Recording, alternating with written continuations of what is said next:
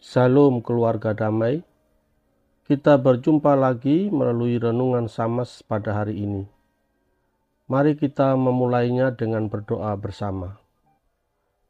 Ya Tuhan, kami bersyukur karena sampai saat ini kami masih diberi kesempatan untuk hidup dan menikmati berkat-berkat Tuhan.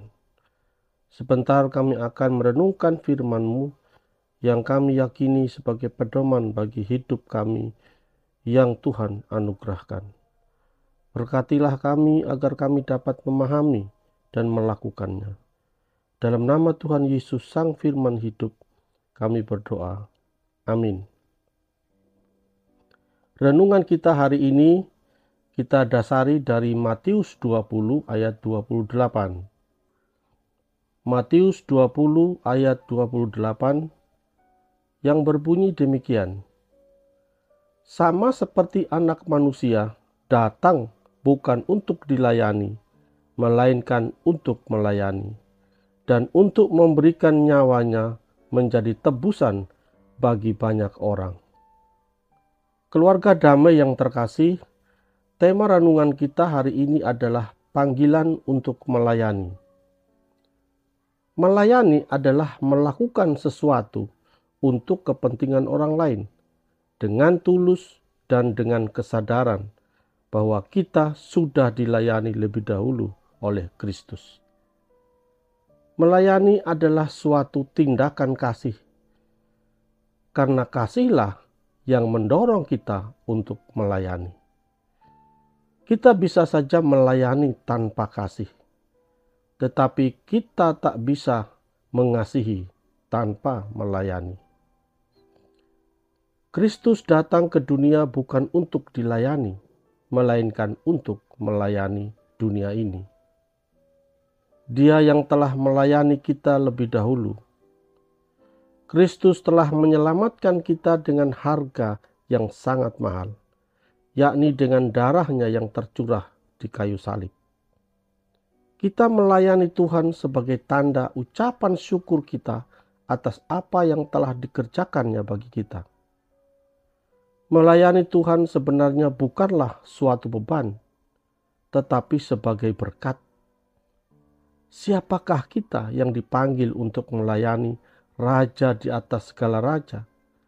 Yang oleh Yohanes Pembaptis sendiri mengatakan bahwa untuk membungkuk dan membuka tali kasutnya pun ia tidak layak.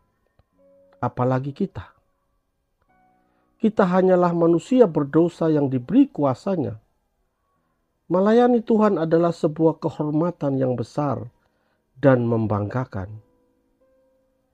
Jadi, seharusnya berbahagialah kita yang terpanggil untuk melayaninya. Kita dipanggil, dipercaya, dimampukan, dan disertainya dalam pelayanan kita. Melayani Tuhan adalah panggilan yang mulia Siapakah kita sehingga Tuhan mempercayakan tugas yang mulia ini kepada kita?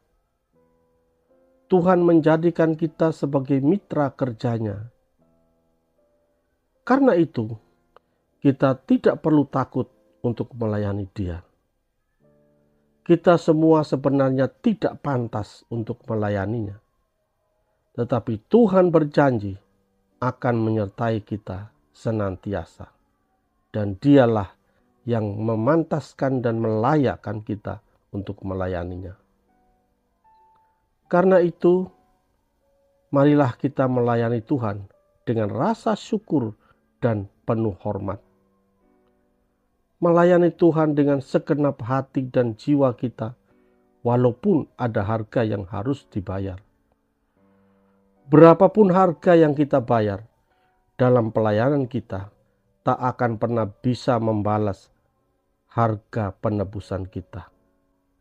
Bapak, Ibu, dan saudara yang terkasih, sebenarnya setiap orang Kristen yang telah menerima anugerah keselamatan seharusnya tahu dan sadar bahwa ia secara otomatis dipanggil untuk melayani Tuhan yang telah menebus hidupnya. Hidupnya bukan miliknya lagi, tetapi milik Tuhan yang telah membayarnya lunas di kayu salib. Itulah yang mendorong Rasul Paulus untuk terus melayani Tuhan dalam keadaan apa pun. Sebagaimana yang diungkapkan di dalam Galatia 2 ayat 20. Namun aku hidup tetapi bukan aku sendiri yang hidup, melainkan Kristus yang hidup di dalam aku. Dan hidup yang kuhidupi sekarang di dalam daging adalah hidup oleh iman dalam anak Allah yang telah mengasihi aku dan menyerahkan nyawanya untuk aku.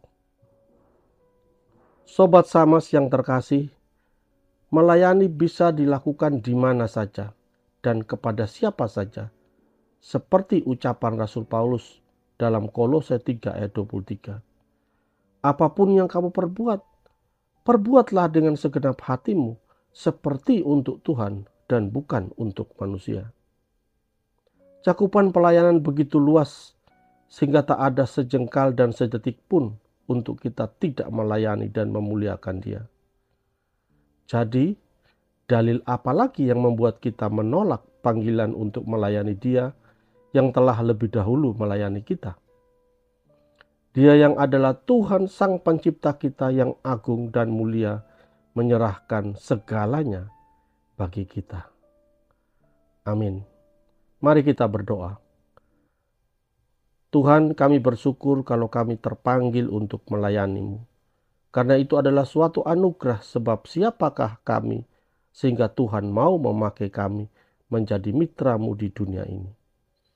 Tolonglah kami Tuhan agar kami memiliki komitmen dan motivasi yang benar dalam dalam melayanimu.